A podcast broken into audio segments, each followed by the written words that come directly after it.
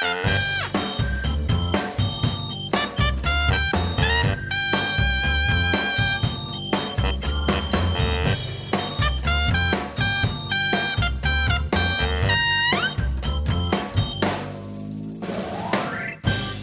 gaan er vandaag weer een hele afwisselende uitzending van maken bij de CIP podcast. We gaan het hebben over dominee de Heer, over homoseksualiteit en over een dominee die lid is van Forum voor Democratie. Nou, wat een ultieme combinatie. En voor mij zit Patrick en Geerten. Naast je. Naast je?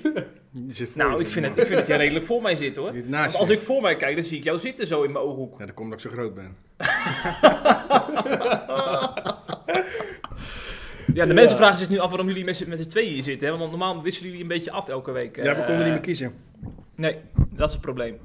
Ja, want Geerten heeft namelijk dominee Henk-Jan Prosman geïnterviewd. Zeker. En jij Ja. hebt ook een eh, boeiende docu bekeken, dus we willen jullie eh, allebei horen vanochtend. Ja. En laten we beginnen met Geerten. Want afgelopen weekend was er een eh, toch wel bijzondere dag, waarbij dominee Henk-Jan Prosman een hoofdrol had. Ja, hij ging in eh, debat samen met eh, Thierry Baudet en eh Bart-Jan Spruit. Wie is die Henk-Jan Prosman eigenlijk? Voordat Dat is we- een, even, even vooraf, een dominee die eh, ehm, nou ja, zich wat vaker stevig uitspreekt eh, dan een gemiddelde predikant. Die eh, ook een eh, politieke voorkeur heeft die hij niet onder stoelen of banken steekt. Je zei al, lid van het Forum voor Democratie en daar ook, nou ja, ook over, bij een bepaald deel van de standpunten daar ook echt wel mee eens is. En ehm, goed, ik, ik sprak hem over een, een boek dat hij heeft vertaald.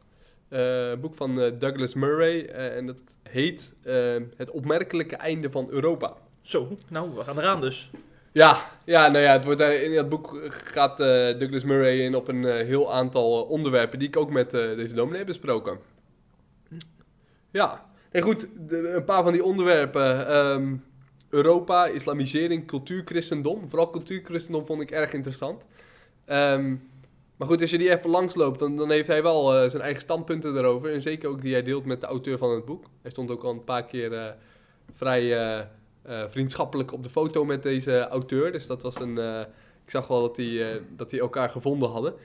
Ehm, nee, goed. Het belangrijkste, als je, als je het hebt over, over Europa, is het eigenlijk dat hij zegt dat, ehm, eh, dat er een, een, de regeringsleiders een verborgen agenda hebben in Europa. Een verborgen agenda? Ja, ze zijn erop uit om immigratie normaal te maken. En, en hij zegt je, dat zie je bij uitstek doordat het niet uitmaakt of het VVD of het CDA eh, regeert.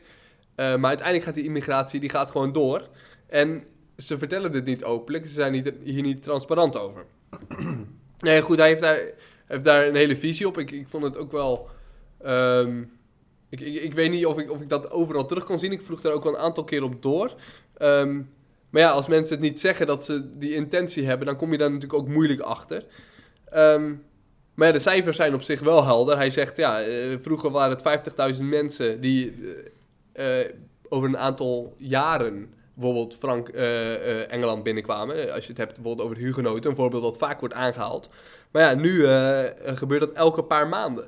Dus er, is al een enorm verschil en je kan niet de ene immigratiecrisis zomaar met de andere vergelijken.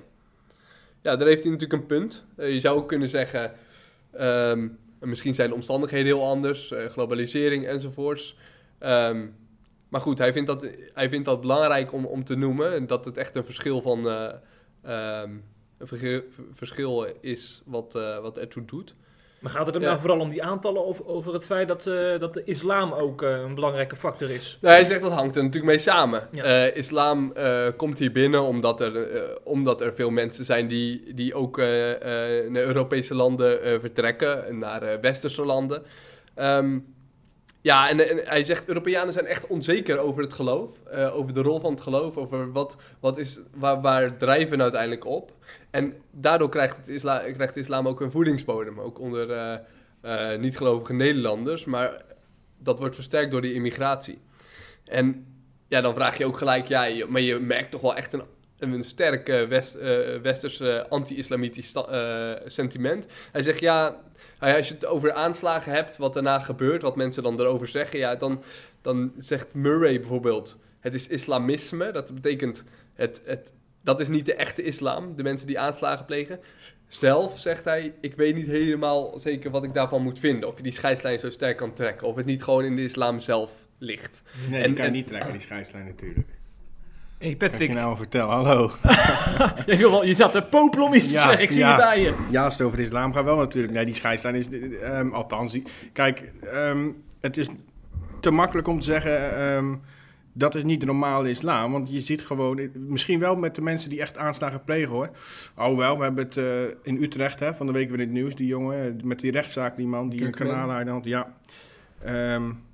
Ja, die zegt ook gewoon... Die weigert gewoon om zich aan te passen aan de westerse regels en wetten. En eh sharia is eh, wet. En dan mag ik moorden, ook burgers. Zei hij letterlijk. Maar goed, het ging even over die scheidslijn. Eh, Ja. Misschien wel met het plegen van aanslagen zelf, maar niet met het afkeuren ervan. Want keuren ze het af? Hoe vaak zie je nou moslims die het echt openbaar, publiekelijk afkeuren? Extremisme. Nou, maar goed, daar ook een discussie over te voeren. Hè? Mo- mo- Moet je ervan overtuigd zijn dat je altijd iets moet afkeuren als je het er niet mee eens bent? Als je vindt dat zij zo ver van je afstaan, Als jij vindt dat het niet uit naam van jouw religie eh, moet, ge- gedaan moet worden... en dat jij vindt dat mensen je religie er onterecht op aankijken... dan lijkt het me verstandig om dat te doen, ja. dus jij zegt ook, de kruisvaarders, dat is niet mijn geloof. Ja hoor, dat zou ik gerust zeggen als me dat gevraagd wordt. Oké, oké. Nou, goed, eh, goed punt, goede aanvulling. Ehm, ja, en daaruit komt eigenlijk ook voort van waar staan we in het Westen voor? Ehm, zijn we ervoor om het, om het christendom, is dat eigenlijk nog wel een voedingsbodem? Ehm, de waarden en normen die we hebben, eh, je, je hoort een, een CDA er altijd over opscheppen, PVV ook wel. Is dat een, is dat een, een, een eh, basis waarop wij ons. eh, ja, is er een basis waarop wij die normen en waarden ook nog baseren? Is dat het geloof? Want daar komt het oorspronkelijk natuurlijk wel vandaan. En hij zegt, ja, ik vraag me af bijvoorbeeld bij, bij een Thierry Baudet, nou, daar ging hij zaterdag ook mee in gesprek. Ehm, kan je dat loskoppelen? Kan je zeggen, nou, ik vind wel die normen en waarden goed, maar, ehm, maar Prosman vroeg zich af, kan je, kan je tegelijkertijd ook zeggen dat het geloof, eh, dat je dat ook op een seculiere manier eh, kan beschouwen. En dat, je, dat die normen en waarden niet per se hoeven voor te vloeien uit dat geloof. Hm. Hoewel het daar oorspronkelijk wel vandaan komt. Nou ja, en, en daarin gaat hij natuurlijk echt niet met de lijn van Baudet eens eh, mee. Ook al is hij wel lid van FVD. En, en hij vindt het heel belangrijk dat dat wel weer terugkomt. En hij vindt het eigenlijk, eigenlijk erg dat eh, christenen dat niet zo goed doorhebben, zegt hij. Hij ziet, ja, er worden eh, christelijke scholen gesloten. eh, of, of laat ik zeggen, in ieder geval omgevormd tot seculiere scholen. En hij vindt, dat echt, hij vindt het echt erg dat er niet zo'n zo'n basis meer is waarop iedere Nederlander het christendom ook meekrijgt, waarop die, waaruit die normen en waarden voortvloeien. Maar hij zegt, ja, dan, dan zijn ze er op een gegeven moment niet meer. Maar iedereen krijgt het toch gewoon mee op school? Er wordt toch gewoon levensbeschouwing gegeven op school? Ja, maar ik denk dat hij het een andere zaak vindt of je ook elke dag een bijbelverhaal hoort. Oh, daar wil hij naar terug. Ja, hij, vindt, hij zegt, eh, we hebben een onderstroom nodig van Ja. cultuurchristendom, zo zou je het kunnen omschrijven. Ik weet, hij, hij vindt het, hij- het maakt hem dan misschien, hij zegt natuurlijk, het moet beleefd worden, zegt hij. En, en, en ehm, dat mensen vroeger in de kerk zaten, was niet alleen ehm, eh, goed omdat ze daar zaten, maar ook omdat ze daar wat meekregen en omdat daar de normen en waarden ook hoog in het vaandel stonden. Hm, hm, hm. Ja, dus er is veel om over na te denken. Ehm, eh, na het interview zat mijn, zat mijn hoofd er ook wel over vol. Wat, wat, is, eh, wat is precies zijn lijn?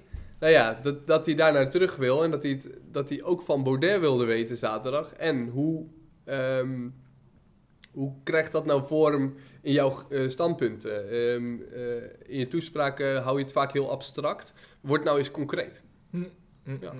Dus eigenlijk die, die Prosman staat een beetje eh, symbool voor een, een, een groep christenen die, eh, die Baudet niet afwijst, maar meer ziet als een soort van eh, verrijkend in de zin van dat hij weer een pleidooi doet voor, voor, voor de christelijke cultuur, cultuur in Nederland. Begrijp ik ja, dat goed? Ja, maar tegelijkertijd moeten we daar wel naar leven. Dus, dus ook wel het, het do- doorleven van die... Van, van, ook al is het het cultuurchristendom, we moeten daar wel naar handelen. Hij zei, Ja. anders is het loos en dan, dan kun je het als een museumstuk beschouwen... wat je ook gewoon weg kunt zetten en waar je af en toe eens naar kijkt. En dat, eh, en dat is niet de bedoeling. En dan zijn die normen en waarden, eh, die vervallen automatisch. Nou, en je krijgt ook een eh, geloof als, als, de als de islam krijgt dan een voedingsbodem. Ja, ja. Oké. Nou, ik heb uit Betrouwbare Bron begrepen dat Bart-Jan Spruit er ook was. Een bekende columnist in het Ne- Nederlands Dagblad die het conservatieve geluid laat horen. Een conservatieve denker noem ik hem Conservatieve denker. Ja. En die komt binnenkort ook op CIP, toch? Ja, uitgebreid. Ja, en dan komt hij waarschijnlijk ook eh, op Forum voor Democratie Ja, terug. ja op vorm eigenlijk op alle politieke, de christelijke politieke partijen. En dan reken ik CDA niet meer tot christelijk. Nee. maar, maar Forum eh, komt hier, gaat hij over praten, ja. En ook over ChristenUnie en SGP. Over de heikele onderwerpen, kan ik wel zeggen. Ja, nou, daar kijken we naar uit. Ja, Zeker. Zegeta, bedankt voor je bijdrage. Patrick en ik gaan verder hier met de podcast. Helemaal goed, Jeffrey. En eh, wij zien jou, ja, vast wel weer terug, hè? Voor de vakantie nog. dat is wel te hopen, hè? Ja, vakantie. gaan we vanuit. ik, je zegt hier mij toch niet... Het is wel eens gebeurd dat je in de uitzending... dat mensen hoorden dat ze ontslagen waren, hè? Dat is nu niet toch zo? Nee, nee hoor, nee hoor. Nee, ik kan niet zonder je, Geert. Oké. Nee, Iedereen is wees maar niet vervangbaar. Eh, Oh, is dat zo? Ja, Oké. jij ook. Nou, dan gaan we dat nog merken, joh. Ja, dus wegwezen. Over wegwezen gesproken, eh, dat kreeg John Lapré ook te horen toen hij eh, bij Hardkrij nog actief was. En Lapré is ooit uit de kast gekomen. En toen was het wegwezen geblazen. En dat kwam terug in de, een documentaire van de EO. Niet alleen Lapré trouwens, hè. Ehm, want Lapré is natuurlijk voor onze bekende, omdat hij regelmatig op SIP staat. We interviewen hem, hij schrijft columns eh, die op SIP komen. Ehm, maar er er werden eigenlijk drie generaties uitgelicht in die, in die eh, documentaire. Die heten De Kas, de Kerk en het Koninkrijk. En dat gaat over homoseksualiteit en geloven. Ehm, al zou ik zeggen, het gaat, liever, het gaat meer over homoseks- homoseksualiteit in de kerk. Want geloof was een beetje ondergesneeuwd, maar daar kom ik zo meteen nog op terug. Ehm, ik vond het wel bijzonder. Ik heb die documentaire gezien. Ik heb er een artikel over gemaakt ook. Ehm, wat, het grote, wat de verschillen zijn tussen de verschillende generaties. Hè. Er was een, eh, een, een, een man van nou, 93 jaar en die had een vriend van 97, geloof ik. En die vertelde over vroeger ehm, nou, dat, het, dat het best lang duurde tot hij doorhad dat hij, dat hij homoseksueel was. Omdat hij het helemaal niet kende. Want seksualiteit was überhaupt een taboe in die tijd. Mhm. En dat hij op een gegeven moment er wel achter was, maar dat hij het ehm, lange tijd niet heeft durven vertellen, maar ook niet eh, wilde vertellen. Omdat hij, eh, hij zei, ik wilde degene die ik lief had, en daar bedoelde hij natuurlijk zijn ouders mee en de rest van zijn omgeving, wilde ik niet opzadelen met, ehm, met dit probleem. Omdat hij ze daarmee eigenlijk in een onmogelijke positie bracht. Want dan moeten ze eigenlijk kiezen tussen, de, tussen hun kind en, en, en de rest van de sociale omgeving. Hè. Zo ging dat in die Mhm. tijd. Ehm, vervolgens zie je die volgende generatie, waarin het al wat makkelijker werd. werd hè. Dat was de jaren 60, 70.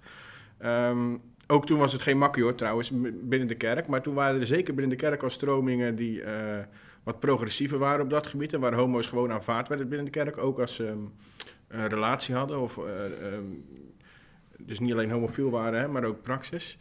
Ehm, maar de laatste generatie zie je eigenlijk weer een beetje terugkomen wat er vroeger gebeurde.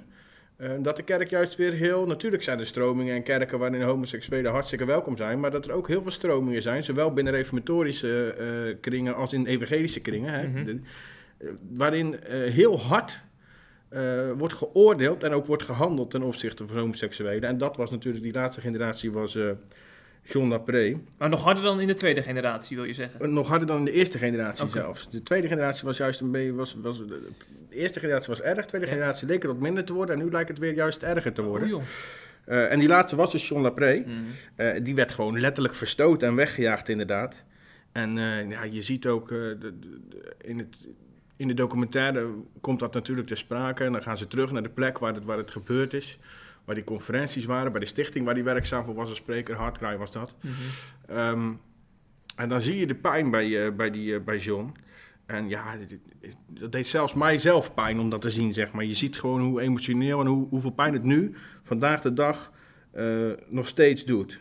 Mhm. En dat is, ja, dat is verschrikkelijk. Ja, ja. Vond je dat dat verhaal goed overkwam? Want ik, mij is altijd geleerd dat je ook een andere kant van het verhaal hebt. Als iemand wordt weggestuurd om bepaalde redenen, dan kan iemand er zo emotioneel diep in zitten dat hij natuurlijk ook eh, heel eenzijdig in die, in die kwestie staat. Ja, Natuurlijk. ja. Nou, dat is, ze hebben het natuurlijk van één kant laten zien. Dat is ook logisch, omdat, het, eh, eh, omdat deze documentaire natuurlijk vooral draait om de ervaringen van homoseksuele mensen binnen de kerk. Ehm, eh, als je het hele verhaal wil laten zien, krijg je nog een veel langere documentaire. Ehm, dan zou je eigenlijk alleen een documentaire alleen nou over het verhaal van John moeten Ja, maken, zeg maar. Ja. En dan, maar misschien, je weet ook niet of, hoe dat is gegaan. Hè? Misschien hebben ze de andere kant wel gevraagd om een reactie, Ja. maar, maar wilde hij dat niet? Dat zou kunnen. Dat weet je niet, dat weten wij niet, hè? Hm, hm, hm. Ja. Overigens vond ik, ehm, ehm, vond ik wel dat het in, in interviews voornamelijk ging over wat ik net zei. ehm, over de rol van homo's in de kerk. En dat eh, het geloof daar eh, te weinig bij betrokken werd. Het persoonlijk geloof van mensen, zeg maar. En dat vind ik een gemiste kans. Want ja, ik ken toevallig John, jij kent hem ook. Mhm. Ehm, en juist hij heeft een, eh, een prachtig getuige over, over God en over zijn geloof. En ik had dat graag wat meer van het persoonlijke geloofsleven van de hoofdrolspelers. Niet alleen van John, maar van de hoofdrolspelers gehoord. Omdat dat veel meer indruk maakt, denk ik. Ook naar buiten toe. En misschien is dat juist wel wat de kerk nodig heeft. Mhm.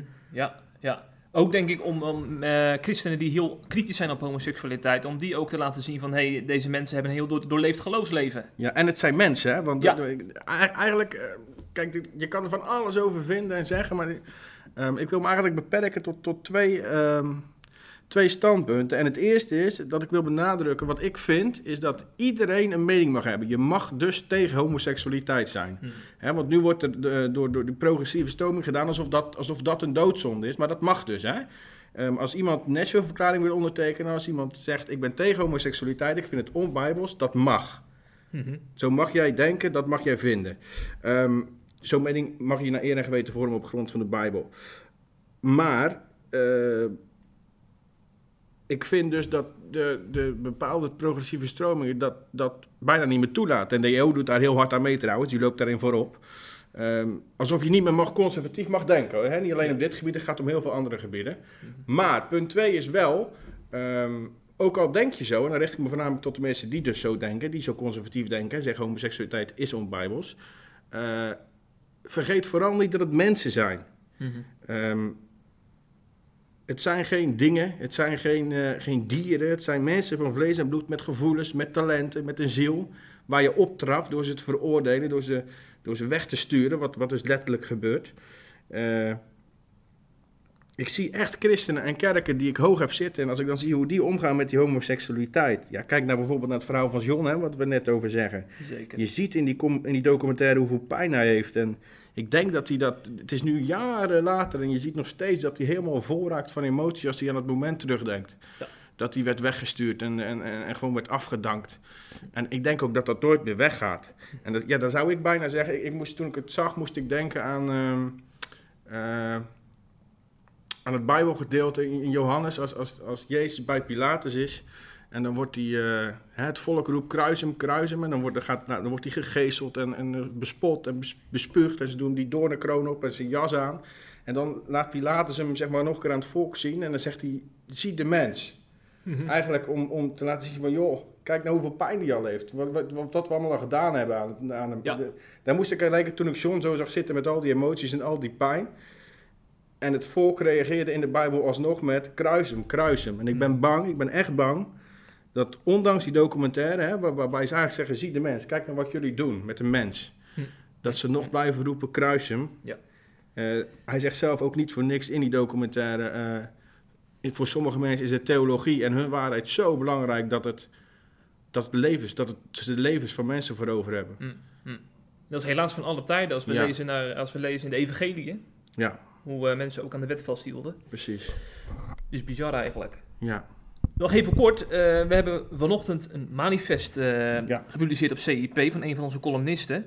Getiteld, dit zou de kerk moeten zeggen tegen iedereen die worstelt met zijn of haar seksualiteit. En die auteur eh, ja, doet eigenlijk een pleidooi om, om mensen die met hun seksuele gevoelens worstelen, om die welkom te heten in de kerk. En die verwijst in dat manifest heel erg sterk naar een, grijs gebied. Hè? Van je hebt een grijs gebied waar- waarin je van mening mag verschillen in, eh, binnen de kerk. De Paulus verwijst er ook naar in eh, een van zijn brieven. naar een Eh, grijs gebied. Dat je, dat je van mening mag verschillen over bijvoorbeeld wel of niet de Sabbat vieren, wel of niet je, je laten besnijden. Want er was natuurlijk een discussie in die tijd van als je je bij de gemeente voegt, moet je dan wel of niet de Joodse gebruiken aanhouden. En op een gegeven moment heeft Paulus gezegd, er is vrijheid in Christus en we moeten dat van elkaar respecteren. En die schrijver zegt in zijn manifest eigenlijk, eh, van de, de kwestie van vandaag had is dus niet de Sabbat, maar dat is eigenlijk met name toch deze kwestie. Laten we elkaar respecteren als je eh, je homoseksuele gevoelens wil uiten of als je eh, tot de conclusie komt dat je eeuwige trouw wil beloven aan je, aan je homoseksuele vriend. Laat er ruimte voor zijn in de kerk, want anders wijzen we elkaar af. Maar kijk, als je op zo'n manier redeneert, dan kan je dus eigenlijk eh, alles doen. Ja, dan is, veel, is heel veel De grijs manier gebied, hè? waarop hier geredeneerd wordt, van ja, Paulus zegt dat dus. Ja, eh, dan kan je in principe alles, want Paulus noemt homoseksualiteit volgens mij helemaal niet in dat, ge- in dat stuk, of wel? nee, nee, nee. gaat- nee. dat Waarom was gaat het ook niet zo'n issue in die tijd? Nee, nee.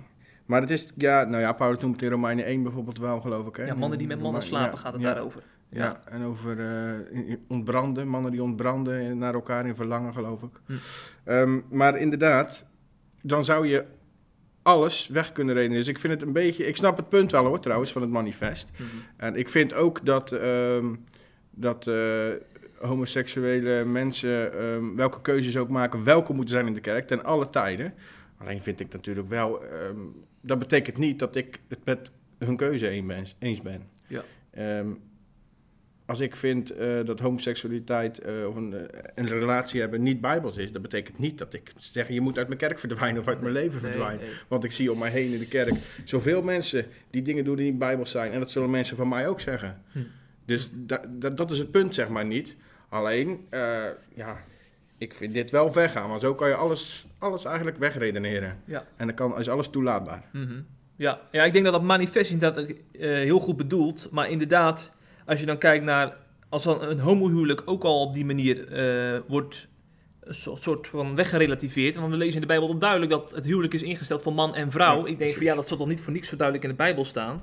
Dan vind ik het nog wel om, om in een manifest eventjes tussen neus en lippen door... daar zo simpel eh, overheen te stappen, zeg maar. Hè?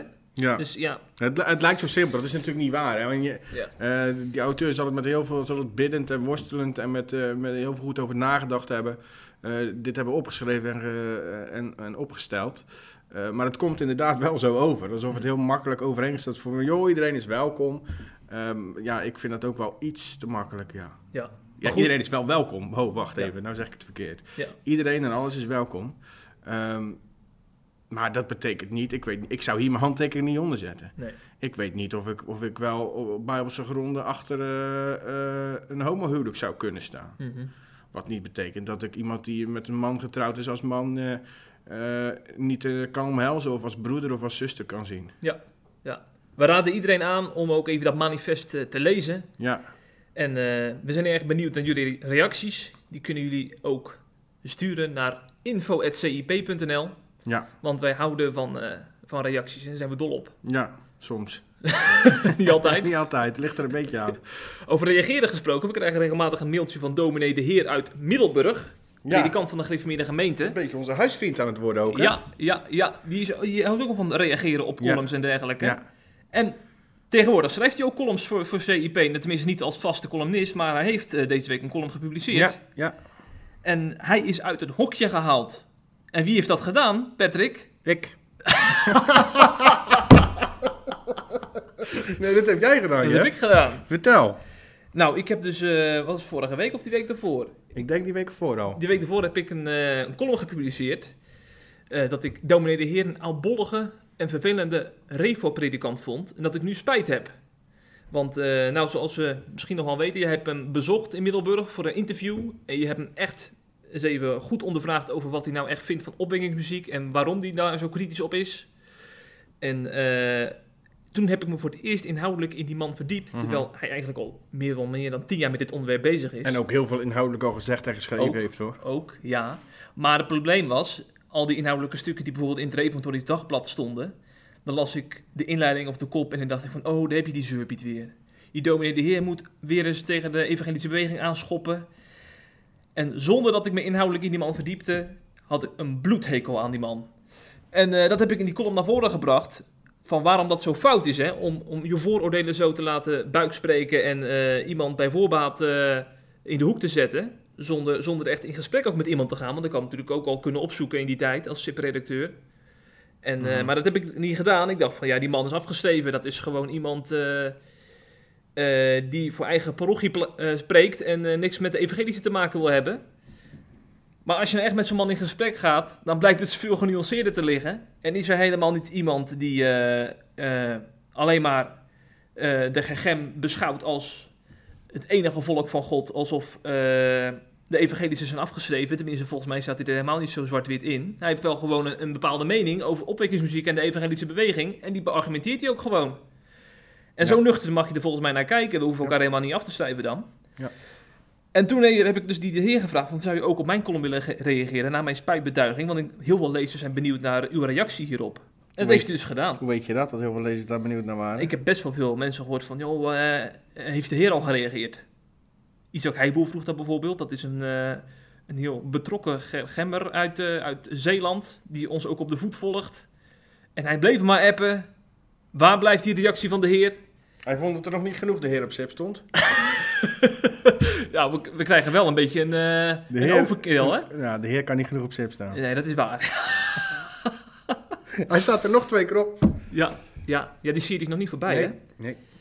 Maar hij heeft dus eh, een column geschreven. En hij zegt erin dat hij dus door ons uit het hokje is gehaald. Door jou. Of door mij dan? Gewoon, gewoon, Door je mag best met de eerste Oké, oké, ja, ja, ja. En in drie punten heeft hij dat even toegelicht. Waarom hij eh, ja, toch wel belangrijk vond om dat nog even toe te lichten. En eh, hij verwijst daarin in zijn column naar ene Gisbertus Voetius. Ken jij die? Voetjes, ja, die ken ik zeker. Ja. Jij kende hem niet, neem ik aan? Eh, nee. Daar nee, was ik nee. al bang voor. Want dat is eh, een invloedrij- invloedrijke man geweest voor de kerkgeschiedenis? Ja, Oké, ja. Nou ja, dan, eh, dan, nee, dan heeft hij recht van spreken. Die man die, die, die bestreed de remons, eh, remonstrantse leer nogal fel.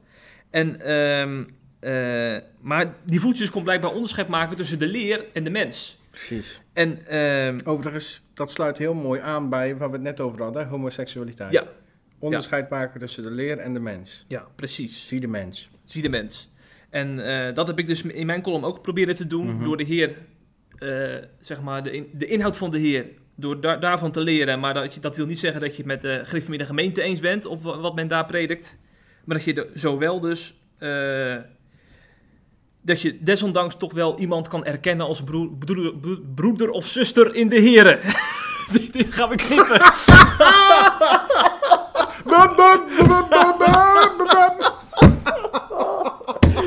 kan toch niet, joh.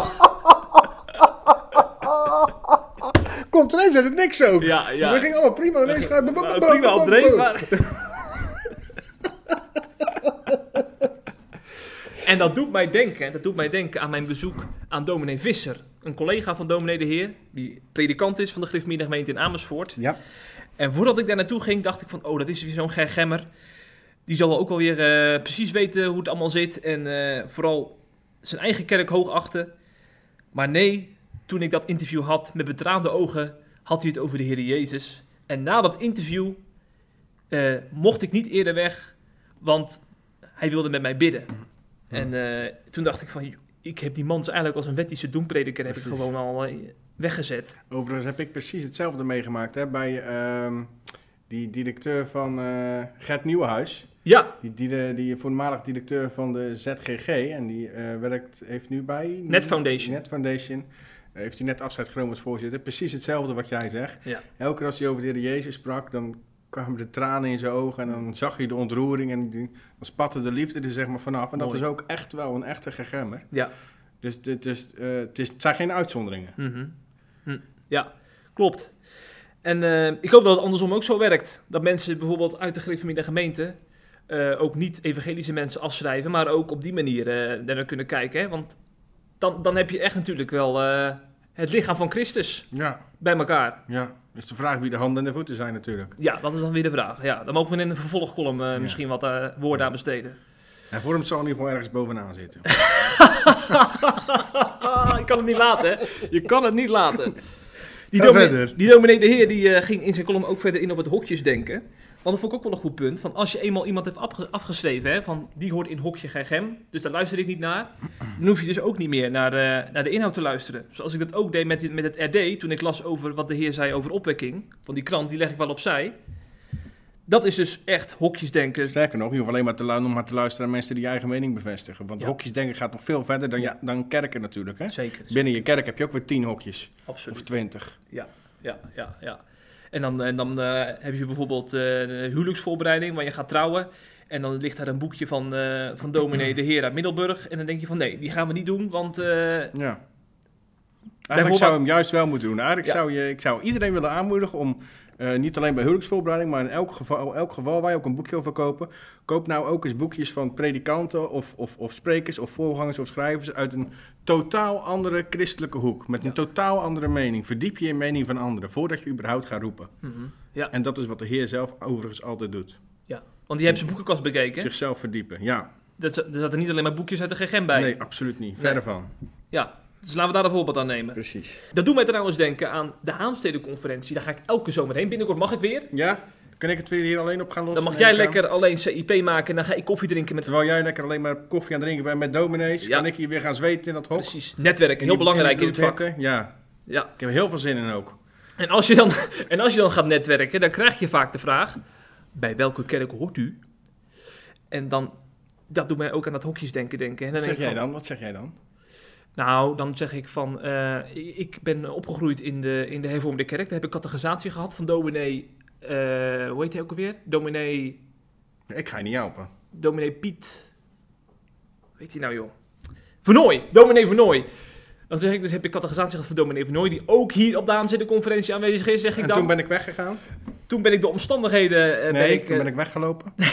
naar een andere kerk. Door omstandigheden ben ik naar een andere kerk gegaan. En nu maak ik onderdeel uit van een multiculturele kerk die niet in een hokje past. Dat zeg ik dan. Wat een mooi antwoord. Ja, Politiek correct ook zeg. ja soms moet je dat zijn in dit Ja, vak, Patrick. ja. ja. Ja, dat is waar. Maar eh, ik vind het heel tekenend dat iemand dus in een gesprek van vijf minuten zo'n vraag stelt. Dan denk ik van, dat stel ik nog niet eens aan, aan eh, kennissen die ik al jaren ken. Maar, dan hebben ze, maar vragen ze dan niet, eh, ze vragen welke kerk je hoort. Dat die vraag komt eerder dan wat heb je met Jezus bijvoorbeeld. Ja, ja, of wat absoluut. heb je met God. Vaak, ja, vaak wel. Of wanneer heb je voor het laatst God ervaren. Ja, ja. Of hoe, hoe is je gebedsleven. dat is vaak te persoonlijk, Want denk dat ik. vind ik veel belangrijkere Ja, vragen eigenlijk. vind ik ook. Dan kan je wel zeggen, het is persoonlijk. Dat is misschien ook wel zo hoor. Maar ja, wat is die kerknominatie nou, die Ja. denominatie nou van belang? Ja, dat doet me toch een beetje eh, denken aan mensen die, eh, die eerst willen weten of je wel in je, in, in je eigen hokje past.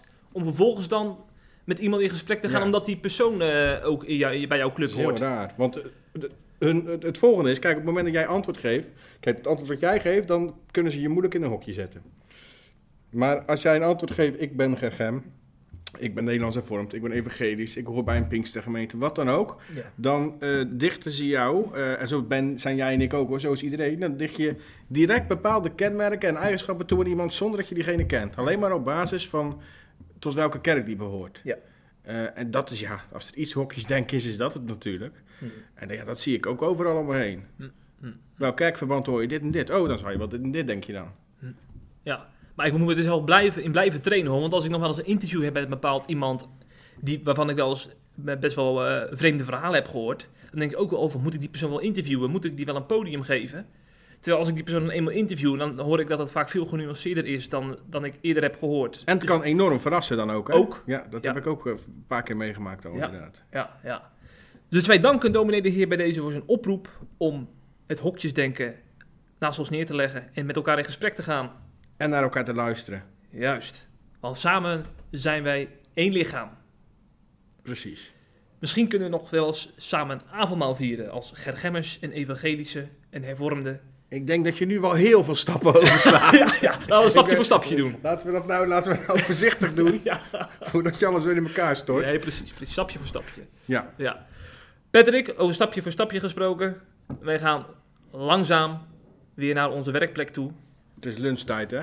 Oh, we gaan eerst lunchen. Ja. Ja. Want dankzij onze CIP Plus leden kunnen wij ook heerlijke boterhammen kopen. ja, anders konden we dat niet. maar, maar, er ligt- zit nog geen beleg op. Nee? Oh. Dus, eigenlijk hebben we nog meer C plus leden nou, nodig. bij deze een oproep van... eh, ja, wil, je- wil, wil je ons beleg mogelijk maken op onze kale boterham? Precies. Stort dan even wat geld over. Vijf euro's per maand. Ja. Niet veel. Nee joh, toch? Zeker. En dan kunnen wij de zomer weer overleven. En dan kunnen wij een blokje kaas kopen voor op ons brood. Zo is het. Patrick, bedankt voor je bijdrage. Ja, jij ook hè. Tot de volgende keer weer. Tot de volgende keer.